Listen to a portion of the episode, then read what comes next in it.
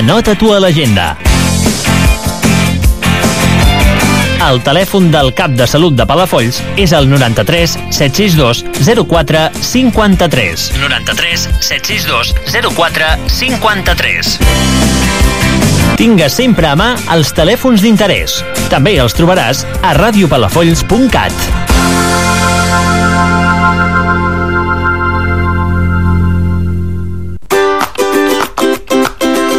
Atenció, agafa paper i bolígraf. Vols fer agenda? T'interessa saber les activitats i actes que s'organitzen al teu voltant? No cal que busquis. Cada migdia després de l'informatiu a Ràdio Palafolls, el Palafolls en xarxa. Agenda cultural, entrevistes, concursos i totes les novetats a les agendes de Palafolls i els municipis més propers. Cada dia després de l'informatiu amb Jordi Prat Savalls. No te'n perdis ni una amb l'enxarxa. Informació que més t'interessa. La música que t'agrada escoltar i l'entreteniment més proper. Ràdio Palafolls.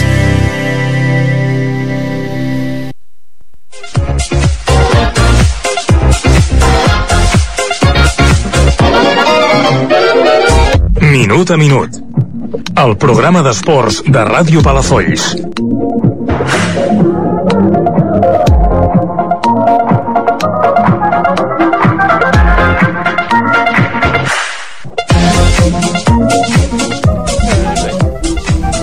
Benvingudes i ben trobats a l'edició número 461 del programa d'esports d'aquesta casa. Salutacions cordials a tots els minuteros i totes les minuteres, ja sigui a través del 107% de la FM o a través de la via web, que és www.radiopalafolls.cat. Bon vespre, Laura. Bona tarda. És que ja no sé què dir. Tarda, bona tarda. Sí, bona, bona tarda, tarda. Laura. Què tal? Com estàs? Molt bé. Com ha anat el fin de?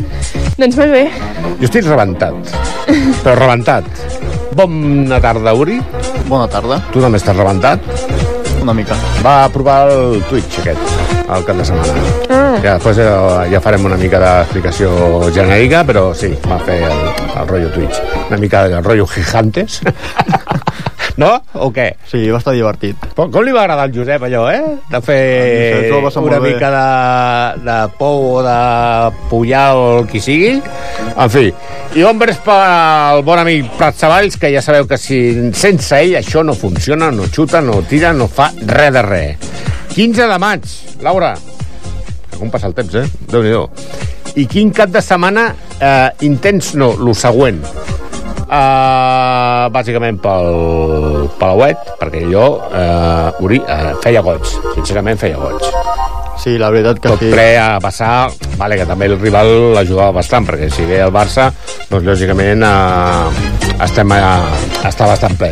I m'encanta molt que, com que venen eleccions, tots els representants polítics venen allà a treure el cap. La resta de l'any no, que és el que em deia Manolo. El coneixes, el, el Manolo? Sí, alias Papa. alias Papa, eh, doncs, ah, estos vienen aquí com quan hay eleccions. Pues, noi, pues és la seva feina, què vols que et digui? Ja veurem a veure qui ocupa la plaça de regidoria d'esports a partir del dia 29. Doncs això, el... Ah, per cert, per molts anys. A mi? Sí. A mi per què? Home, per la 27ena. Ah! Bueno, però això no és per molts anys. Bueno, felicitats a tota la colorada per la 27ena Lliga, ara estan fent la rua, vinga avall, vinga, amb les noies. I... Sí, sí, sí. Que les noies són més bons que les noies, és el que hi ha. A sobre el camp de l'Espanyol. Ah, Exacte. Uh, les lligues domèstiques del bàsquet, futbol i futsal ja comencen a veure's la data de caducitat i la veritat és que tindrem un final de temporada d'allò eh, eh, per un programa d'esports local com el nostre eh, serà super emocionant i super espectacular. No patiu que cada dilluns intentarem portar-vos a totes les notícies de primera mà i estarem aquí pendents de lo que passi, el que no passi, etc etc.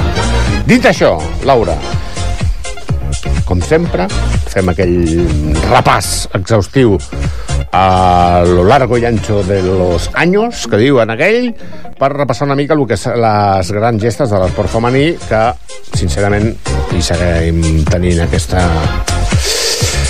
pega la sabata que no tenen gaire visibilitat mediàtica. Ens saltem, com sempre, el... Tal dia com avui.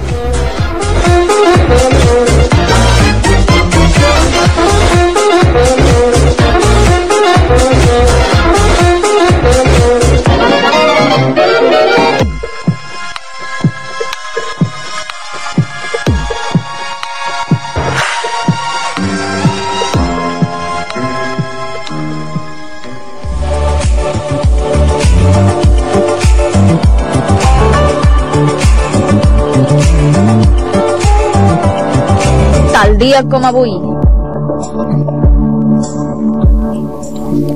I avui, 15 de maig, què podem trobar-nos dintre l'esport femení, Laura? Doncs un 15 de maig, però de l'any 2003. L'UC Barça va guanyar la Lliga Femenina i va trencar 13 anys de sequera dels equips catalans en aquesta competició. L'equip que dirigia Carme Lloberes va derrotar el campió, el Ros Casares, 70 a 72, en el cinquè partit de la final, jugat a València, i es va prendre la revanxa de les derrotes en les dues lligues anteriors contra el Ros Casares. L'últim campió català havia estat el Microbank Masnou l'any 1990. 1982, atletisme. Quima Casas guanya la primera edició del Campionat Estatal de Grans Fons que es disputa a Port Sagunt sobre una distància de 20 quilòmetres, amb una hora, 19 minuts i 8 segons. Seguim amb tennis. L'any 1995, Aranxa Sánchez torna al número 1 per tercer cop i estarà 4 setmanes fins l'11 de juny i no hi tornarà, després de 12 setmanes acumulades. Karate, l'any 2005. Cristina Feo i Lucía Zamora són campiones d'Europa de Comite. El Comite eh, és la part del karate en què els karatekas s'entrenen per parelles, tot aplicant les tècniques apreses amb el Kion i el Kata. Doncs amb aquesta especialitat van ser campiones per equips formant part de la selecció espanyola, que derroten a les alemanyes en la final de campionat que es disputa a la Laguna. Seguim l'any 2010 amb atletisme. Maria Vasco guanya els 20 quilòmetres en la Copa del Món de marxa que es disputa a Chihuahua, Mèxic. Als 34 anys, la marxadora catalana lidera la selecció espanyola que s'emporta la plata per equips. Vasco fa 1 hora 31 minuts i Beatriz Pasqual és onzena amb 1 hora 36 minuts 8 segons. Esquí 2019, l'exesquiadora nord-americana Lindsey Vonn guanya el, primer, el Premi Princesa d'Astúries de l'Esport. La campiona olímpica i la doble campiona mundial es va retirar aquella temporada després de 19 anys en actiu i té el rècord de victòries en la Copa del Món, amb 82 victòries. Ok, sobre patins, l'any 2021, el General, Generali Palaus guanya el primer partit de la final de l'hoquei Lliga Femenina a la pista del Màgic Estudio Manlleu per 3 a 7 i tindrà dues oportunitats de sellejar el títol a la seva pista. I acabarem amb el 2022 parlant de futbol. El Barça femení guanya l'Atlético de Madrid 2 a 1 en l'últim partit de la Lliga i tanca el campionat perfecte, amb 30 victòries en els 30 partits disputats. Paredes i Aitana marquen els gols de l'equip de Jonathan Giraldez, que acaba la Lliga amb 159 gols a favor i 11 en contra. L'estadi Johan Cruyff viu la tercera millor entrada de la història, amb 5.179 espectadors. Te'n dones compte? Qui són les bones al Barça? Està clar. Vale, és el que hi ha, no hi ha més. Uh, anem per la... aquesta secció que es diu curta i al peu, però que de curta i al peu res, perquè ve superfarcida de notícies de l'esport palafollenc, que és la, el que li canten a l'Uri en aquests moments de la, de la tarda, en aquest programa d'esports local, com el Minut a Minut. Anem pel... Curta i al peu.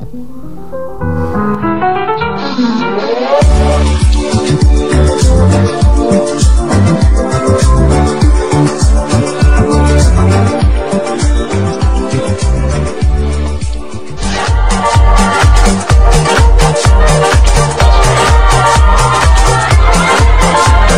i al peu.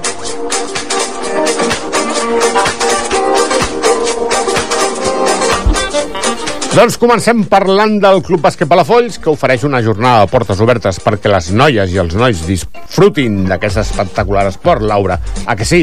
Sí. A que és una passada? És un espectacle. És un espectacle, el bàsquet. Me gusta el bàsquet, com deia aquell. A mi el futbol sala no m'interessa. Mentida.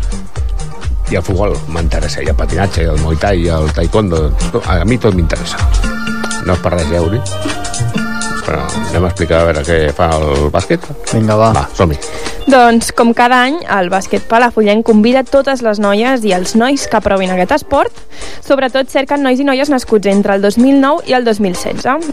Últimament s'està veient molts nanos provant aquest esport. Maneres de contactar amb el club per l'Instagram bàsquet palafolls, per e-mail cbpalafolls.gmail.com o a través del número de mòbil 661 845 519. Més coses del bàsquet. Acaben de tancar un acord amb la prestigiosa Gavi Medi, que són uns centres mèdics i dentals que oferiran als seus socis i familiars una àmplia gamma d'avantatges per cuidar la salut, deixant-los en les millors mans possibles. O sigui que encara teniu més raons per acostar-vos al bàsquet palafollenc per provar aquest esport. Imagina't, eh? dentadura perfecta i salut de ferro. Què més vols? Això ho teniu vosaltres? No, clar. Home, saps què passa? Que jo ara que m'estic intentant vincular moltíssim, però no, anem per feina, que si no després es tira el temps de sobre. El Club Atletisme Palafolls segueix recollint bons resultats, Uri. Doncs aquest cap de setmana a Cornellà s'ha celebrat el control sub-10, sub-12 i sub-16 amb la participació de diverses atletes del club. Els resultats han estat els següents. A categoria sub-10, l'Helena Paez ha fet un temps de 10 segons i 92 centèsimes als 60 metres llissos. A la categoria sub-10 femenina, Daniela Fernández ha fet un temps de 11 segons i 16 centèsimes als 60 metres llissos. Categoria sub-12, el nostre Hugo Rodríguez ha fet un temps de 6 minuts, 44 segons i 76 centèsimes als 2.000 metres llissos, fent així la millor marca personal. És que és un animal. Un crac. És, un- és un crac. El Hugo és un crac. És una... Bueno, tots són un crac. Ha tornat ja una altra vegada l'Hugo aquí. Uh, sí, ho veurem. Depèn. Quants, quants programes es queden ja? Quatre? Sembla que sí, o així. Però bueno, allà estarem. Continuem amb la categoria sub-16. Estel Caimel ha fet un temps de 13 segons i 27 centèsimes als 100 metres llissos. I als 300 metres ha fet la millor marca personal amb un temps de 52 segons i 38 centèsimes. A la categoria sub-16 femenina, Mireia Ramos ha fet un temps de 3 minuts, 32 segons i 10 centèsimes als 1.000 metres, millorant el seu anterior temps. També a la mateixa categoria, la Lara Linyares ha fet un temps de 48 segons i 23 centèsimes als 300 metres llissos, guanyant així la prova. I també a la mateixa categoria ha fet un temps de 55 segons i 5 centèsimes als 300 metres llissos. Uns molt bons resultats i a seguir progressant. Felicitats!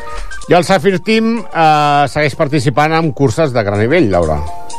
Aquest cap de setmana, una representació del Safir Team ha participat en la tretzena edició de la Trail Cursa pel Cor de la Fageda, una cursa d'uns 14 quilòmetres per aquest espectacular paisatge. Lu Vázquez, de la Junta Directiva, ens amplia la informació.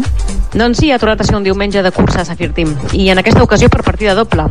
Quatre dels nostres corredors han participat a la cursa Corre pel cor de la Fageda, amb sortida i arribada a Santa Pau, i amb un exigent recorregut de 14 quilòmetres i 400 de desnivell positiu, per la sempre increïble Fageda d'en Jordà.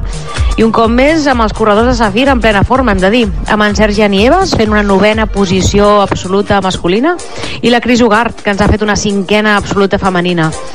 I d'altra banda, el que sí no podem estar més contents és amb el podi del nostre company Lito Garcia, que ha fet una magnífica tercera posició absoluta a la cursa de muntanya de la Vall d'Arbúcies una cursa pel cor del Montseny amb sortida i arribada d'Arbúcies de 17 quilòmetres i 150 de desnivell positiu. Així doncs, a Safir estem no només gaudint, com sempre, sinó que els nostres corredors estan en plena forma i molt contents. Estem realment molt contents. Uns altres màquines, aquests també del Safir. Quins campions de Lliga tindrem al que pedaço d'entrevista, Uri? Doncs els nostres amics del Sol 21 de bàsquet, que la setmana passada van assolir el campionat de Lliga. Ara bé, ha segona part, o millor dit, últim quart, ja que millor que ens ho expliquin ells quan vinguin a xerrar amb nosaltres. Ah, t'ha agradat això de l'últim quart, eh? eh, eh. Fent referències, ah, va, eh? Tu diràs, aquí ho he deixat a web, que diu aquell. Ah, el Club Patí Palafolls torna triomfant a l'Open BCN Promoció, Laura. Doncs ha estat un cap de setmana molt intens i molt profitós, com sempre. En Joan Bosch en fa 5 cèntims del que ha passat. Hem anat amb els nivells 2 i 3 a un Open Promoció i estem contentíssims amb les actuacions de totes les nostres patinadores perquè tothom ho va fer molt bé. Ningú va cometre cap errada greu eh, i a més a més tothom ha aconseguit eh, el seu rècord personal de puntuació d'aquesta temporada així que estem molt contents. A més a més eh, cinc patinadores van poder pujar al podi així que encara més bons resultats seguirem treballant pel que queda de temporada I els resultats han estat el grup B, nivell 3, bronze per l'Emma Garcia. Grup D, nivell 3, plata per l'Aina Cañizares, bronze per la Judit Garriga i diploma per la Naira Galant. El grup B, nivell 2, plata per la Paula Soret, diploma per la Carla Gamundi i en dotzena posició la Sílvia Ribas. I el grup C, nivell 2, bronze per la Carla Ribas i setena plaça per la Marina Beltre. Moltíssimes felicitats a totes. Esteu veient que l'esport per al... Bueno, clar, que heu de veure si ho escolteu aquí cada dilluns. Uh, estem en un moment molt, molt top, eh? A, a tots els nivells, en patinatge, en atletisme, amb el safir, amb... amb com ho també? Mm. Amb el bàsquet. Tot, eh? Futbol. Uf, que passada. Es podrà disputar per fi el Gran Premi Castell de Palafolls de la Copa Catalana de Ciclisme gràcies al nostre club ciclista de Palafolls, Uri. Doncs a priori ho tenen tot tancat per disputar aquesta prova que serà el proper 4 de juny, a partir de les 8 del matí. Què passa? Doncs que amb aquest tipus de prova es necessita una gran infraestructura, sobretot amb voluntaris. Per això us fem una crida perquè aquests voluntaris siguin una realitat. Si voleu participar en el primer esdeveniment ciclista que es disputa a Palafolls i voleu fer història, apunteu-vos a través de l'Instagram del Club Ciclista, arroba Club Ciclista Palafolls, que a més estrena el logo i equipació. Si entreu al seu Instagram, veureu lo xules que són. La veritat és que és molt xula. L'has vista? Sí. Superxula. I això, sobretot això, eh, amb aquest tipus de proves i amb aquest tipus de nivells, eh, necessiten voluntaris, i no 3 o 4, sinó una colla de 26 voluntaris. Si us agrada el ciclisme, si voleu col·laborar amb el Club Ciclista Palafolls, entreu al seu Instagram, apunteu-vos-ho, eh, li dieu a través de missatge privat el que porta les xarxes socials del Club Ciclista, vull participar, etc etc. Més, 4 de juny farà bona temperatura, es veurà gran ciclisme i, a més, eh, una prova de la Copa Catalana que es corre pel nostre municipi, que això sempre va molt bé. Més portes obertes de club, en aquesta ocasió del per part del Club Deportiu de Futbol. Laura? Doncs entre aquestes portes obertes tenim dues opcions. La primera en futbol femení, on conviden a noies de totes les edats, en primer lloc fins als 13 anys, que podran gaudir del Pal Stadium els dilluns i els dimarts a partir de dos quarts de 6 fins a les 7. I noies de més de 14 anys, on faran les sessions dimarts i dijous a partir d'un quart de 7 fins a tres quarts de 8. Tinc una sorpresa per resultats super, super xula. De futbol femení. Ahí lo dejo. Continua, xiquitín. Són sessions divertides amb entrenadors qualificats on aprenen valors, amistat i moltes coses més. Us podeu posar en contacte amb ells a través del seu Instagram, CD Palafolls oficial, o a través del telèfon 669 232 875. Pregunteu per la Demelza i us atendrà superbé. És una bona manera de poder ser una Aitana o una Alexia. Que ara està la cosa molt, molt així. Sí. Hi ha moltes nenes, eh? Jugant a futbol. Poca broma, eh? Però bé, a veure, segurament alguna Aitana o una Alexia Putelles eh, sortirà d'aquí de Palafolls. Ja veuràs, ui, tindrà tempo. Més, Però també tenim la versió masculina, on nois fins als 10 anys podran provar els dimarts i els dijous, a partir d'un quart de 6 fins a les dos quarts de 7, i en categoria la vi fins als 12, dilluns i divendres de dos quarts de 6 fins a les 7. Infantil fins als 14 anys, dimarts i dijous de 7 a dos quarts de 9, cadet i juvenil fins als 17 anys, serà dimarts i dijous de dos quarts de 9 fins a les 10 de la nit, i us podeu tornar a posar en contacte a través del seu Instagram o al número de mòbil 600 217 601. Pregunteu per l'Adri Conteres i us acabarà de donar tota la informació. És un club molt familiar i us sentireu part d'una gran família. Estareu fent un esport que us agrada i en un marc incomparable. com és el Palestadi? Veus que bé? I repassarem la jornada de resultats i parlarem de què? Parlarem, Uri, de... S'haurà salvat el cadet, s'haurà s'ha mantingut la categoria a l'infantil, haurà vingut el Barça a jugar amb tota l'equipació i tres eh, categories inferiors. Què, què passarà, Uri? Explica'm. Doncs posarem fil a l'agulla i us posarem el dia de resultats, salvacions i semifinals de Copa Catalunya. Res, en un moment. I ara m'agradaria molt actualitzar aquesta jornada superintensa de, de tots els esports palafollencs amb els resultats, que sembla que siguem un programa d'esports i no, donem, no donem resultats, però sí que els donem. I avui els donarem, perquè si no després passa el que passa, que tinc estirades d'orelles de per aquí, dreta i esquerra. Amb tota la raó del món, val a dir-ho. Som-hi, xiquitín, anem als resultats. Cada dilluns de 8 a 9 del vespre, Minut a Minut, el programa esportiu de Ràdio Palafolls.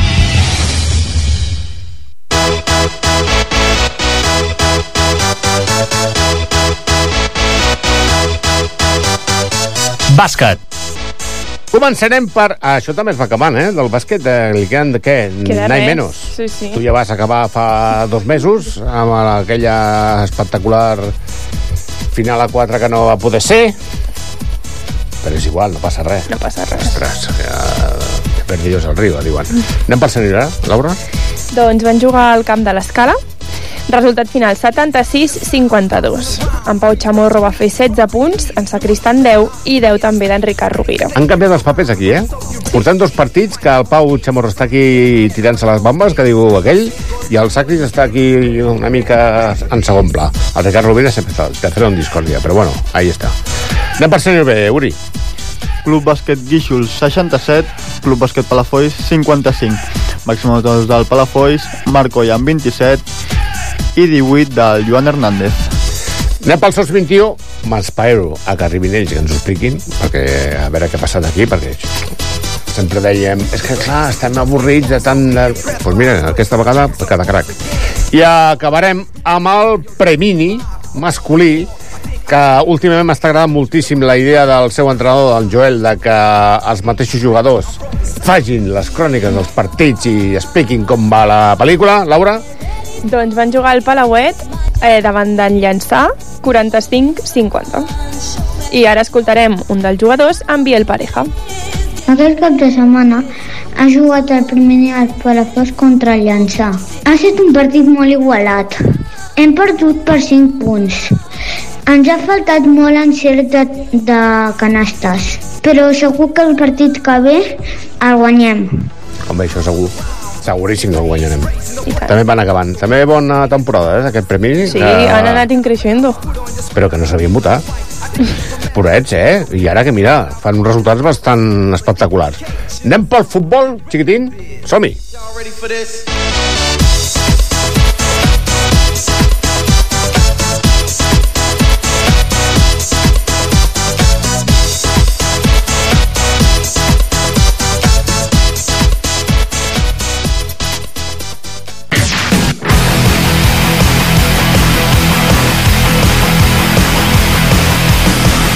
Futbol. Començarem per Baladí, que la quarta catalana ha tingut un descans, igual que el juvenil de segona divisió, que jugaran properament els partits aquests enradarits. Anem pel cadet de segona divisió, Obri. Que amb un hat-trick d'Albert Vilaró i un gol de l'Adrià Sánchez va guanyar per 4-1 al 4 Vientos. I escoltarem les valoracions del míster de l'equip, amb Marcos Maldonado. Nos hemos enfrentado al Cuatro Vientos en nuestro campo. Teníamos ganas de jugar este partido, ya que son los últimos en la clasificación y queríamos la victoria.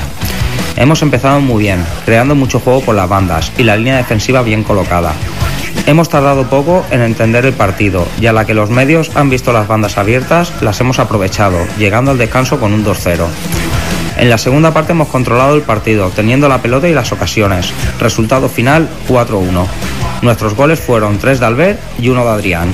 Tenemos que mantener este nivel para maquillar el final de temporada. Ara ve la sorpresa. Que, quina sorpresa. Pots fer-me els honors, eh, amiga Laura? Doncs l'Alaví femi- femení A la eh? Ojo, eh?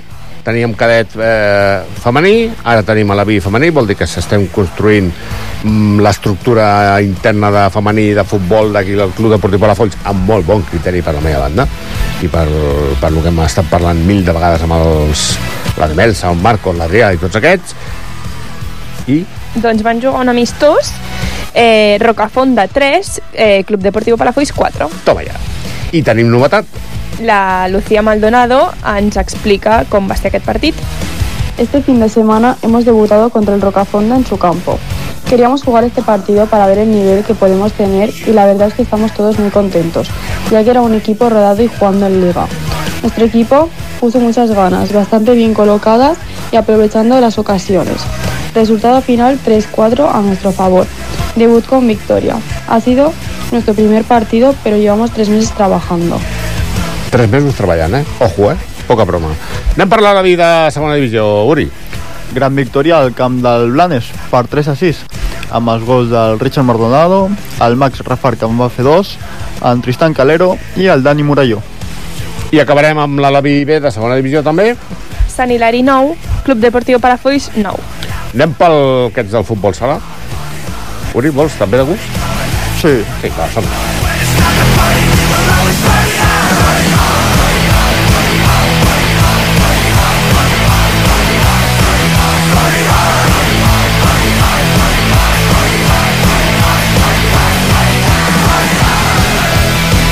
futbol sala. Comencem... Per què vols començar, Uri, pel futbol sala? Pel primer català? Sí? O anem, ja anem de, de cara a la teca? No, anem pel primer No, que, que veig aquí un gol d'un Sí? tal Ah, Oriol ah, Parra. ah, vale, vale, vale, vale. Jo crec sí, que sí, per sí, això vol sí, dir-ho, sí, eh? clar, home, tu diràs. Uh, pues, sí, mm, primera catalana, vull dir, no em miris amb aquesta cara com si em perdonessis la vida, tio. Jolines. A veure, No. què passa? Molt, molt malament, molt malament. Es van perdre, tio. Quin quin desastre, per favor. Vaig jugar fatal jo, eh? Sí? Sí, ja vas notar, ja. Explica'm, explica'm coses. Jo vas de Vidreres 8, Sant Lluís 6, amb el gos de l'Isaac Peral i el Jordi Fernández, dos cadascun, un servidor i Quim Perea. Y el míster de l'equip explica cómo va a ser el partido en Rafa Jiménez. Bueno, el equipo salió enchufado en la primera parte, llegando al descanso con un parcial de 0-3 prácticamente. Pero en la segunda parte el equipo se desactivó y bueno, con un resultado final de, de 8-6. Bueno, el desactivo fruto de, relajamiento, el último partido de la temporada donde el equipo tiene todos los objetivos cumplidos de liga y ascenso y bueno, pues el equipo se relajó, la verdad. Eh, bueno, eh, nos hubiera gustado acabar ganando el último partido de la temporada, pero entiendo que los jugadores han estado todo el año con tensión, con, con ganas de actitud y entonces nada, nada que reprochar. Contento por la temporada y a preparar ya del año que viene. Anem pel juvenil de primera divisió, també uns altres campions de Lliga, si no m'equivoco, oi, Uri? Sí, són campions des de la setmana passada. Vale. Vinga, foli. Doncs victòria també d'aquest equip palafrugenc davant del Guíxols, 6 a 3. L'Oriol Garcia va marcar dos gols, l'Aitor García, en Kenneth Arrazola, en Pau Vilella i el Pol Ortega, un cadascun. I escoltem el seu míster, en Paco Bonillo. Qué bueno es. Era un partido que teníamos ganas. Guixus fue un rival que en la primera vuelta nos consiguió sacar un empate y queríamos demostrar que este, este empate pues fue un pequeño desliz. Nada, primera parte salimos muy enchufados, con muchas ganas. En los primeros cinco minutos conseguimos ya un resultado de 3-0 y muy buenas sensaciones en la primera parte. Conseguimos acabar con un resultado parcial de 4-1 y afrontar la segunda parte con mucha tranquilidad. El único problema, bueno, pues nosotros íbamos con siete jugadores únicamente.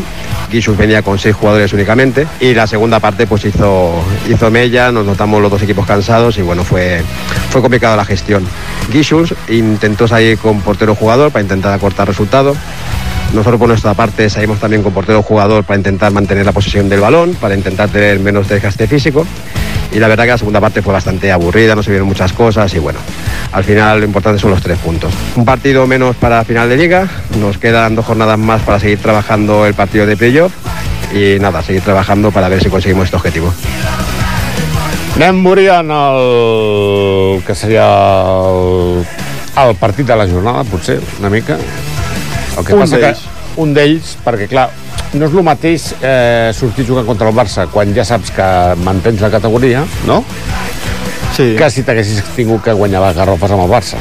Que això hagués canviat eh, la història. I clar, la meva porra s'ha anat a Norris, no? Perquè vaig dir un 2 a 1 i al final què va passar, xiquitín? Doncs un Cádiz que va sortir relaxat per ja tenir la permanència aconseguida i un Barça que va venir a, a no fer amics precisament. Resultat final de 0 a 7 a favor dels culers. I en Rafa Jiménez explica com ho va veure ell. Amb el Rafa Jiménez, después d'aquest últim partit de Lliga del Cadet, eh, las cosas han ido como esperábamos. Me habéis fallado otra vez por la predicción que había hecho yo en el tema. Pero bueno, se supone que si la cosa se tenía que haber jugado y se tenía que haber jugado aquí en la salvación, otro gallo hubiera cantado, ¿no?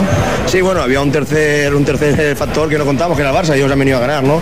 Pero bueno, eh, contento, contento porque el equipo estaba salvado antes de este partido, eh, los deberes estaban hechos y el objetivo no, no era hoy ganar al Barça, hoy era una fiesta, el objetivo era salvar la categoría y desde ayer se cumplió, así que hoy era un premio para todos los chicos y disfrutar, y disfrutar como estaba el pabellón. La verdad es que el Palauet súper lleno como antes eh, había estado. Eh, de todas maneras, los chicos eh, se han tomado un partido muy serio, han intentado rascar un poquito. Lo que pasa es que este Barça es mucho Barça. Sí, primero que primero orgulloso de que el pabellón esté como esté, está clarísimo, eso nos ha dado balas y el equipo pues bueno, no, no ha bajado los brazos en ningún momento. Es verdad que estamos jugando contra el campeón de liga, se va a jugar el campeonato, está preparando el campeonato de España y con jugadores que están en la selección española. Entonces, bueno, hemos dado todo lo que podíamos dar, no tengo ninguna queja, todo lo contrario, estoy muy contento y orgulloso de mi equipo que ha corrido hasta el último minuto de la última jornada, así que nada, enhorabuena y muy orgulloso del equipo. Ahora sí que podríamos poner nota al equipo, ¿no? En general. Sí, nota el equipo y al cuerpo técnico y a todo. Yo, bueno, yo sinceramente es un 10, es de 10. Es decir, no he visto a nadie que haya dejado de creer, no he visto a nadie que haya dejado de venir a entrenar, que cumplir, que estar con el equipo, que apoyando, por lo tanto es de 10. Es de 10. En lo que podemos controlar, todo ha sido de 10. Por lo menos si tenemos problemas la temporada que viene, el talismán de la radio lo podéis utilizar.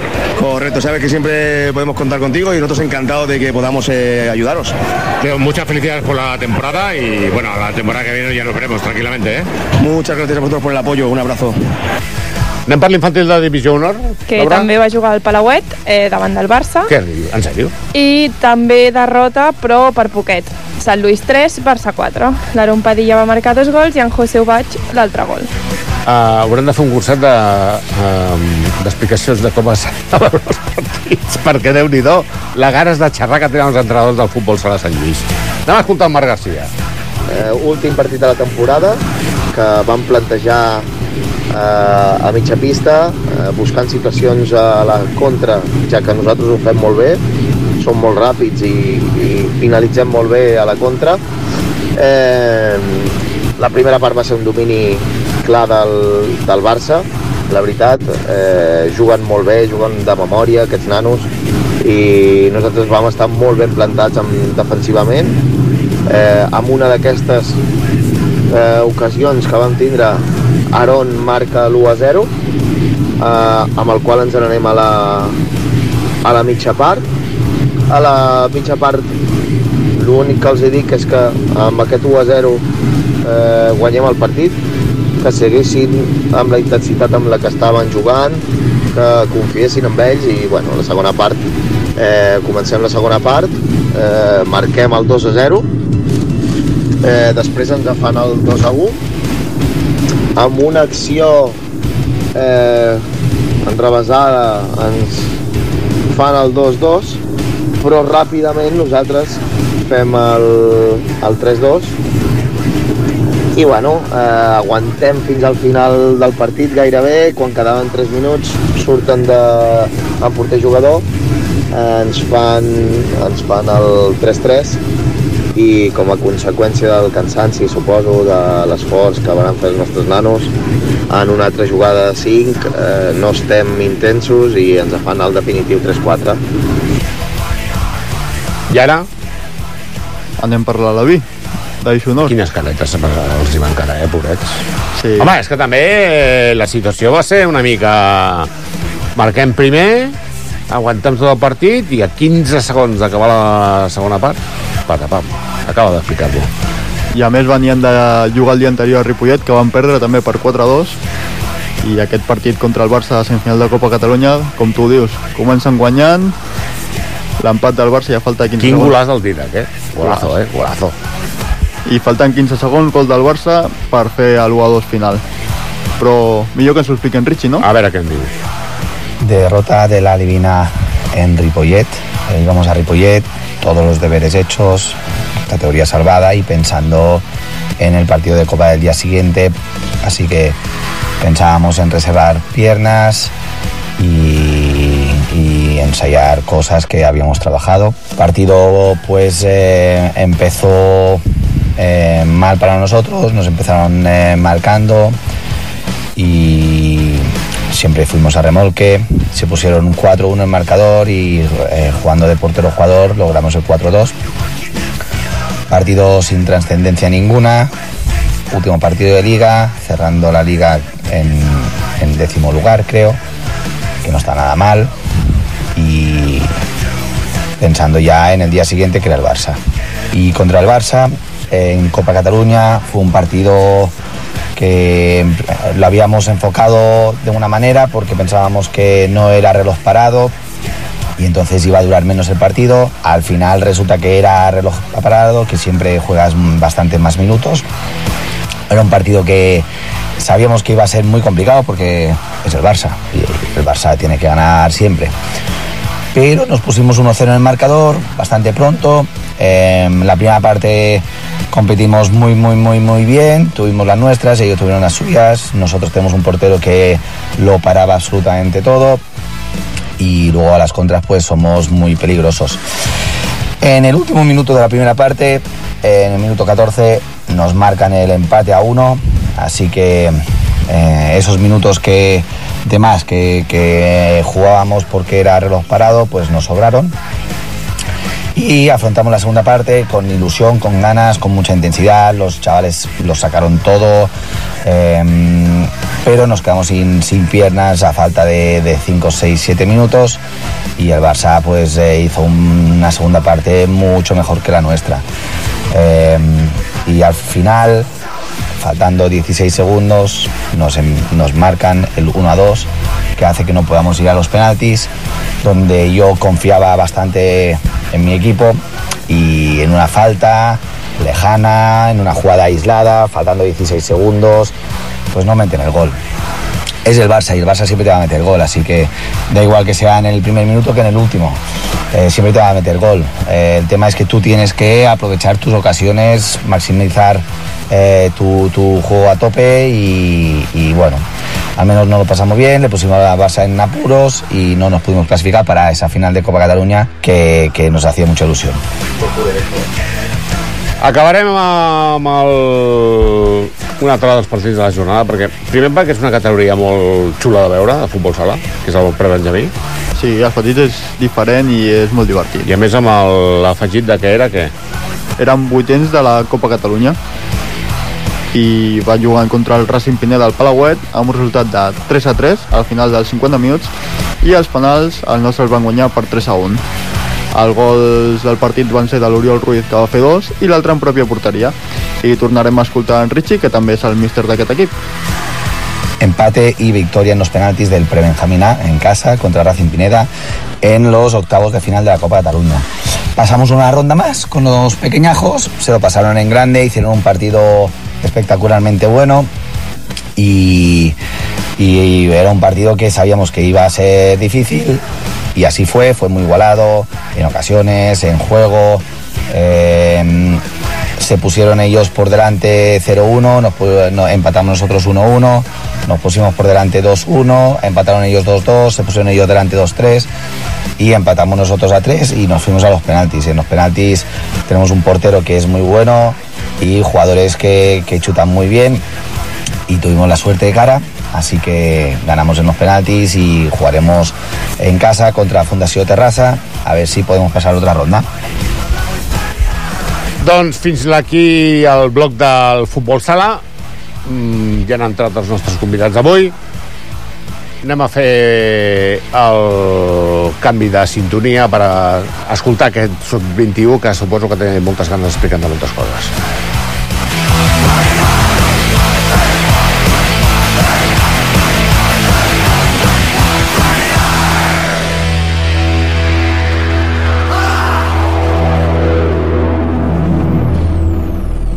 Cada dilluns de 8 a 9 del vespre, Minut a Minut, el programa esportiu de Ràdio Palafolls.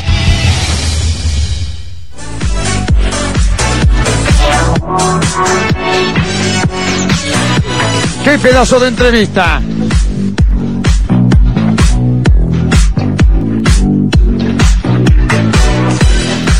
Doncs ja els tenim sentadets aquí en l'estudi número de Ràdio Palafolls. El... Te'n recordes aquell tio? Cada vegada que diem els resultats dels, 20, dels Sons 21, Laura?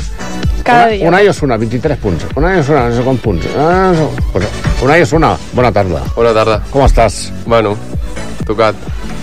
Del turmell. Eh, tengo que hablar con tu peluquero, ¿eh? Esto no puede ser, tío. Ya te lo digo ahora. I a l'altra banda de la taula tinc el- l'entrenador, el, el meu estimat i querido Maxi Sánchez. Com estàs, Maxi? Muy bien. No, Sí. no nos vamos a quejar. Eh, se ha perdido este fin de semana, tío. ¿Qué ha pasado? Sí, estamos muy relajados ya. La liga se ha ganado. Eh, sí que es verdad que hemos llegado bastante cansados todos y ya partíamos con cuatro bajas, de, la- de las cuales las cuatro eran perfectamente titulares.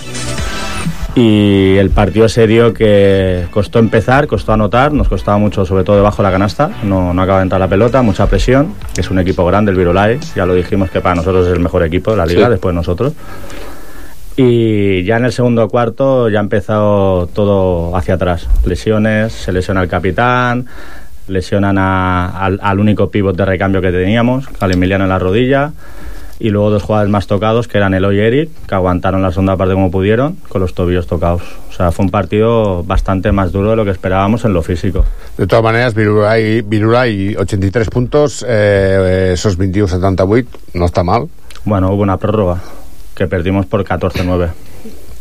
Y Xavi Muñoz con 25 puntos. Bueno. Qué animal. Eh, piensa que nos hicieron... Claro, es que si tú no estás en la, en la faena, está el otro. Es, Hay que es una pasada. responsabilidades, si no... Claro, bueno, Bueno, tu hermano dejándolo banda, A también ver, tu son hermano... los veteranos al final. No, pues claro que sí. Pero bueno, ya te digo, fue la falta de acierto básicamente, sobre todo en el último cuarto en los tiros libres. O sea, no sé qué pasó en los tiros libres, que nos fuimos con un 1 de, 1 de 10, algo que no habíamos hecho en toda la temporada. Y sin embargo, en la prórroga creo que fueron 9 de 10, 9 de 10. anotados. o sea, fue el mundo al revés. Si eso lo hubiésemos hecho en el cuarto cuarto, cortamos completamente el ritmo del partido y el partido ya habría estado ganado. O sea, De todas maneras, déjame que te diga una cosa. Yo os vi el, la- el fin de semana que ganasteis la Liga Sí. contra el... Setmana passada, contra el BIM. Sí. Básquet Institució Montserrat. Laura, ¿te recuerdas? El BIM. ¿Quién es el BIM? Pues eso. Ah, los antiguos sabemos cómo es, porque se llama BIM, pero los más modernetes no, no tienen el, el tema. Eh, el primer cuarto os costó Dios y ayuda. El sentido de canastas que de, a veces mm, estáis ahí muy acostumbrados a meterlas fácil, os costó la vida. Sí, jugamos un poco a ráfagas, Sí, haciendo correcto. la goma. Nos íbamos de 10, mm, no sabemos por qué luego mm, entraban dos canastas suyas, fallamos nosotros dos y se nos volvían a poner a cuatro. Y fue un partido prácticamente así, a ráfagas, se podría definir. De todas maneras, el, el básquet de institución Montserrat, mm, con seis, que luego acabaron tres en pista. pero Bueno, bueno, esa es la discusión que podemos tener. Eh, lo normal en esta situación, yo que me he encontrado, pues aplicaría más una defensa zonal, no arriesgando en defensa. y- No, no, pero eh, los tíos dieron la cara. O sea, Sí, no, sí, vamos a jugar a partido a muerte eso y es a ver lo que sale. Eso es lo que no fue normal. Que Claro. un equipo con seis jugadores te presione, vayan todos al balón, vayan todos a presionarte, haya tanto contacto Y te y hasta falta de tres minutos para acabar el partido no salga el primer expulsado. A ver. mm, Vale que la ética de un árbitro siempre va a querer compensar cuando hay una diferencia, cuando hay... Pero hay veces que, que sobra un poco. Flojito el arbitraje, ¿eh? Bueno. Eh, que sí, ¿no? Sí, ya había una Pero para los dos lados, ¿eh? Sí, o sea, sí. no te no, pienses no, tú que... ese es el problema. Que si él hubiese pitado a los dos lados, Claro. no a uno, porque no te quejas de que no te pite ni te pite mal, te quejas de que no pita. Yo tengo recambios, yo puedo presionar al otro equipo, yo puedo correr más, yo puedo provocar esas faltas. Y si, me, y si yo las hago, hago un cambio, me reservo jugadores y acabo el partido. Pero ya yo los he dejado con tres. Pero la etiqueta de líder, Unai, supongo que eso también ayuda un poco al equipo rival que va extra motivado. Sí. Bueno, ¿no? Van- yo creo que iban a cuchillo. Bueno, fueron a cuchillo. Sí, no, fueron con todo. sí. bueno como esta Hubo- semana. Sí, fue, es Virolai iba Mucho con todo. contacto físico, por lo que vi yo. Virolai se quiso meter. el árbitro. Se O quiso sea, meter en fases porque si, si Minguella perdía, ¿Sí? Virolai se metía, podría tener la oportunidad de quedarse segundo ¿Sí? Y estar dentro para fases. Y ha pasado. No, No ha No. pasado. no, no. El Se Minguella quedó no. en las puertas. Minguella ya está. De hecho, nos cambiaron el partido porque no tenían suficientes jugadores Ya. para tener a todo el equipo completo y nos encontramos jugando en una pista pequeña, en un tercio de pista, Uf. en un lateral. Qué guay. Entonces, claro, el Virolai ya te digo que la media de altura es, son como un hay todos. Ya. Entonces, ahí el poco espacio hacía más difícil el, el juego. Tú quieres mover el balón, pero hay poco espacio. Si no te entra el tiro, sobre todo, cuando están obligando, no amenazas a la defensa. Si no amenazas a la defensa, no sale. Si no salen, no hay espacios dentro. Y añadir que el, el, el único pivot que teníamos, Adri, Sí. el más alto de todos, 15 cinco faltas y, y no teníamos pivot. Estuvimos sin pivot todo el partido. Porque el. Emiliano se jodió la rodilla en un minuto y medio en pista. Y Joel y Mark estaban lesionados, entonces no había pivots para defender a grande. Y las casualidades de la vida es que el Minguella viene esta semana Sí. y se juega algo. No, no se juega nada. Ya está, ya También ya está Sí, todo ya definido, está, ya todo está- decidido. está decidida la Estamos- liga. estamos los dos O en- sea, Podéis hacer un 21, ya si lo dejáis No. todo. ¿Todo tampoco? No. Mm, Si les puedo No, porque cono- ganar. no, pero conociendo a ti un poco, eh, esto ya es un poco mm, mm, preparación de. A ver, de llevamos- tres, creo que es el 3-4 de junio. Sí, llevamos, fases. llevamos dos o tres semanas, que no te lo puedo decir, que estamos cambiando un poco los ejercicios. Estamos añadiendo conceptos en caso de que no podamos jugar como estamos jugando, tener recursos. Si me hacen una defensa que no me permite jugar lo que jugamos ahora, que ellos tengan recursos para salir de esa defensa. Estamos buscando los mano a mano, pues forzar el pick and roll, forzar cosas. Si tenemos que hacer un ataque más libre, no tan mecanizado, tan sistemático que ellos tengan salidas, que ellos tengan libertad de juego, porque tengo jugadores con muchísima calidad. Creo que tenemos jugadores con muchísimo nivel y algunos, el que no lo tenía, lo ha explotado.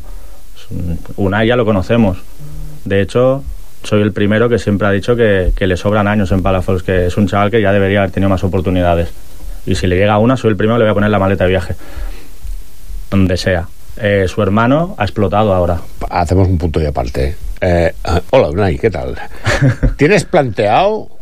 ¿Te han llegado ofertas, hablando en plata y serio? Sí, me han llegado ofertas. Vale, no contestes. Pues supongo que te lo estás pensando. Claro. Claro, todo dependerá de lo que pase en las fases. Exacto. Y si voy con él. Y del, del Ahí equipo sí. que haya. Ese- y ese todo. pack, ese todo pack. depende, todo depende. Pero si fuera una, que hay una- un reto deportivo tuyo de que es- me interesa, creo que lo puedo asumir. Sí, se puede asumir, sí. Claro que sí. Hasta aquí. Sí, donde sea. Pero vale. Si no me pilla lejos. Bueno, creo que te pilla lejos, ¿no? O sí. No creo. No sé.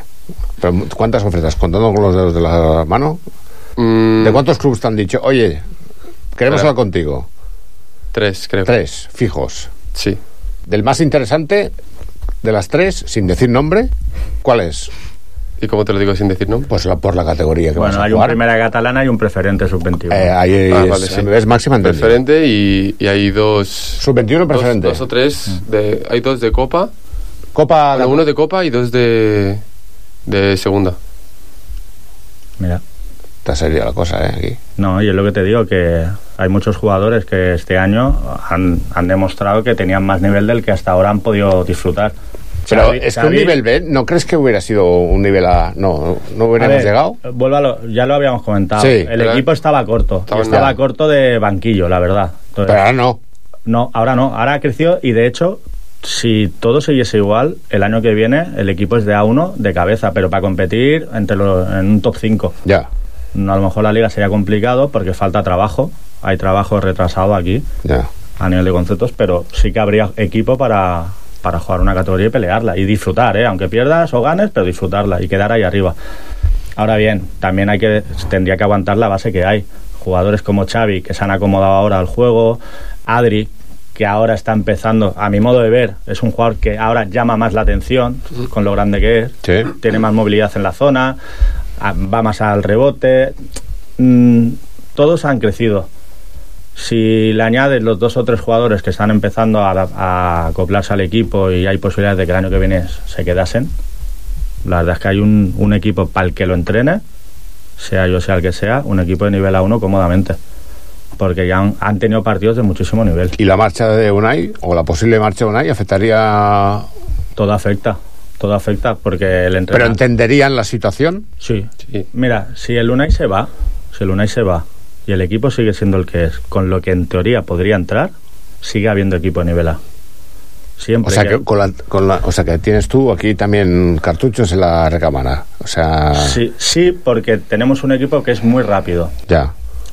Tenemos control de balón y tenemos controlamos bastante bien el timing ahora. Entonces, un equipo que tenga velocidad, que sepa presionar toda la pista, que tenga físico para aguantar, es un equipo muy difícil de parar. Buen tiro exterior, velocidad, transiciones, canastas fáciles y una defensa bien trabajada te facilita muchos partidos. ¿El Xavi y el hoy son de los mejores bases de la categoría? ¿O el top 5 de la categoría? ¿De Xavi? Xavi y Eloy son los- el, el base y el escolta más rápidos de la categoría. No hay ningún jugador, creo yo, en esta liga, en el Mm. nivel que nos hemos encontrado, más rápido que ellos. Más rápido no, pero. No, más rápido no. ¿Más técnico?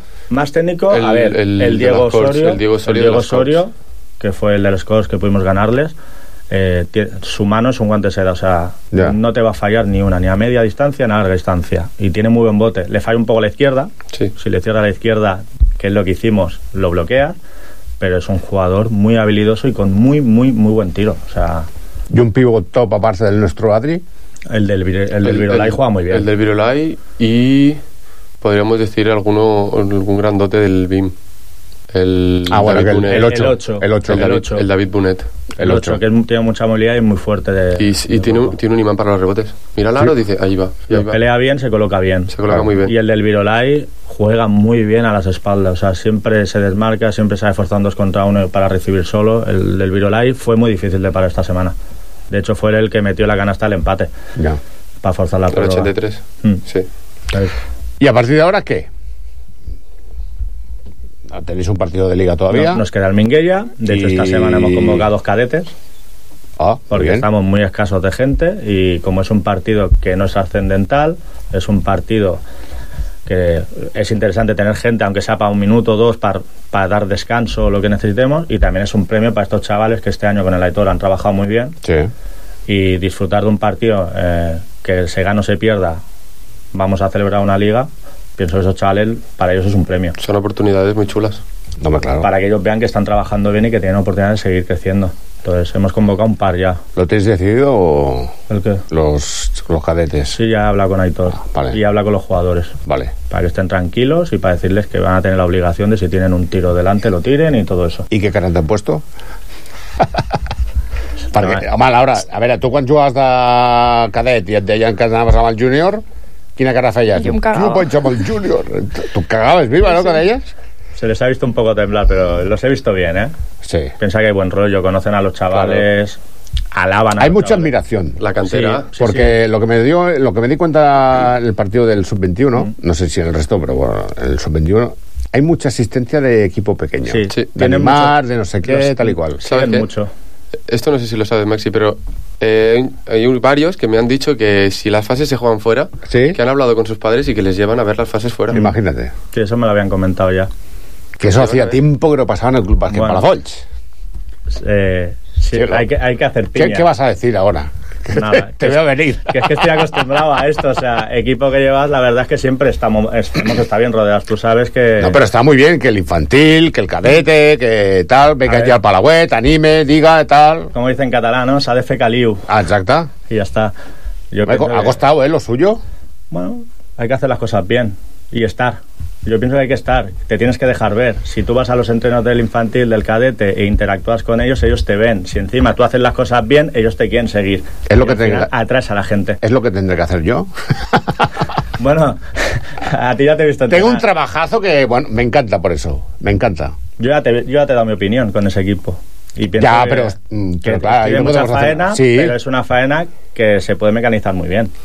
Y No, te y puedes aparte- centrar sin, sin pensar a largo plazo. o sea, No, no, no, no. Es lo tengo clar- clarísimo lo que quiero hacer con ese equipo. O sea, pues ya sabes lo que claro. toca, llenar la grada. Tienen que tener admiración también los tuyos ahora. Hombre, tendrán admiración por, por, por ser el mito de la radio de. Vull dir, Ah, ja està. Partes, partes con ventaja. ¿Qué fas? Quina cara fas, Laura? Si és el que ha. Lo que pasa, me gusta mucho el volumen de nanos petits que hi ha de l'escoleta. Ah, del meu equip. Evidentment. Evidentment, el teu Sí. equip. Vam començar amb dos, Exacte. I ara que on sou? nou, crec. Per no dir 12. Jo vaig veure molt de nen allà. Tendré que traer a Alan otra vez. Además que me hace mucha gracia porque la Laura cuando explica el ejercicio se nos quedan todos así mirando para arriba. claro, hace... Som monos. Está muy guay, son muy guays. Son muy guays.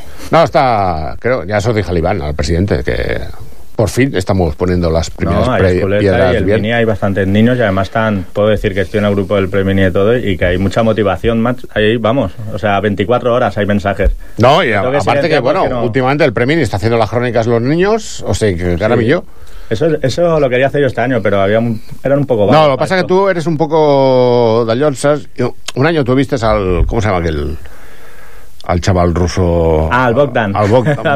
Eh, hombre, que me lo tengo aquí clavado, chaval. Aquella liga fue buena, ¿eh? También También- 21-1, ¿eh? Sí, senyor, sí, senyor, fou bueníssima. I Ah, nivela. Fa la crònica el Bogdan i me la fa en rus. Diu, vale, molt bé, perfecto. Yo pues ya me apunto ruso, ya lo traduzco y no, al final me la van a pasar a español y catalá y una eso. broma divertida. No, bueno, está bien, claro. ¿Qué quieres que te diga?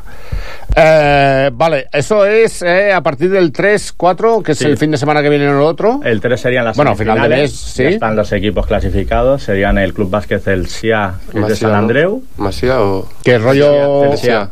final a 4, ¿no? Digamos. Sí, eh, jugarían ellos contra nosotros una semifinal y la segunda semifinal sería el Minguella como subcampeón del Y el título es Campeonato de Cataluña. No, Sur- Copa Barcelona. Copa Barcelona, tal igual. Copa Cataluña es nivel A, Sí, esa... que es lo que lo que tuve la otra vez. Pues nada, mucha suerte. Estaremos pendientes de todo esto y mucho más. Esperamos verte por ahí. Hombre, por, por supuesto, yo si la mía que pueda iré para allá. Mucha suerte, eh, Unai. Muchas gracias. Recupérate rápido. Sí, sí, no te preocupes. Y la que esto- decisión que tomes, Tiene usted mi voto, senyoria. Muchas gracias. Ja, Doncs fins aquí el programa 461 del programa d'esports, Cascos que se caen. Uh, recordeu que podeu tornar a reescoltar aquesta entrevista a partir de de les 10 del vespre d'avui o a les 2 del migdia de demà, i si no, a la web de Ràdio Palafolls, www.radiopalafolls.cat i us descarregueu el programa minut a minut de la llista del menú que teniu allà. I si no, Spotify, allò que esteu fent coses a casa i tal com, volem escoltar l'una i el Maxi a veure què m'han explicat, llista de Spotify. A l'edició i producció del programa han tingut la, la Laura Méndez, l'Oriol Parra i el- l'Eloi Alarger, el control de som tingut en Jordi Pratsavalls i ens tornem a posar la mateixa hora, el mateix dia i la mateixa tarda assolellada com avui, el proper dilluns, Laura. Eh que sí? Sí. Bona setmana. Adéu. Bona setmana, Uri. Que vagi bé, adéu-siau, bona nit.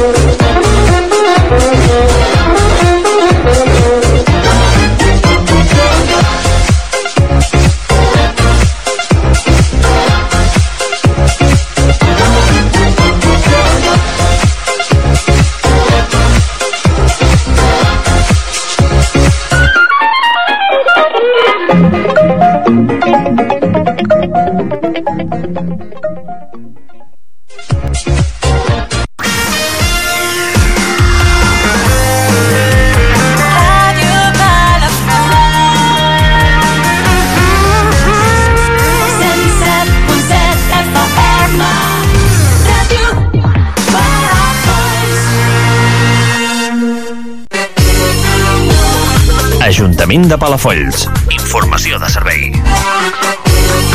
L'autoempresa. Si busques assessorament, informació, orientació i ajut per tal de muntar la teva pròpia empresa, visita el servei d'autoempresa de Palafolls.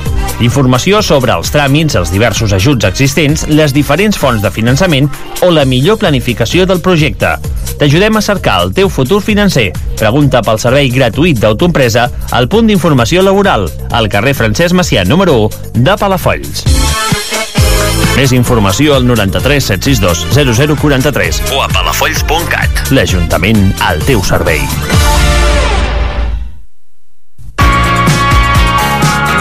La teva mascota ja està xipada i censada? Els propietaris de gats i gossos estan obligats a tenir-los xipats i censats. És una mesura de seguretat per a tu i les teves mascotes. Si ja tens l'animal de companyia xipat, demana el cens gratuït a l'Ajuntament. T'evitaràs ensurts en cas de pèrdua de l'animal i sancions en cas de no complir amb la normativa. Informa't a palafolls.cat.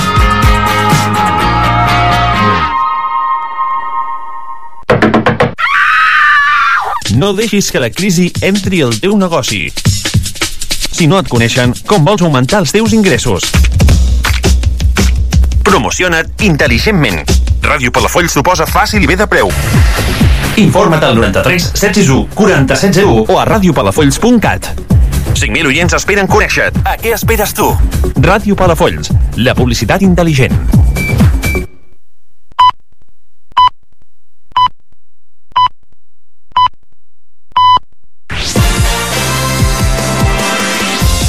Ràdio Palafolls. Serveis informatius.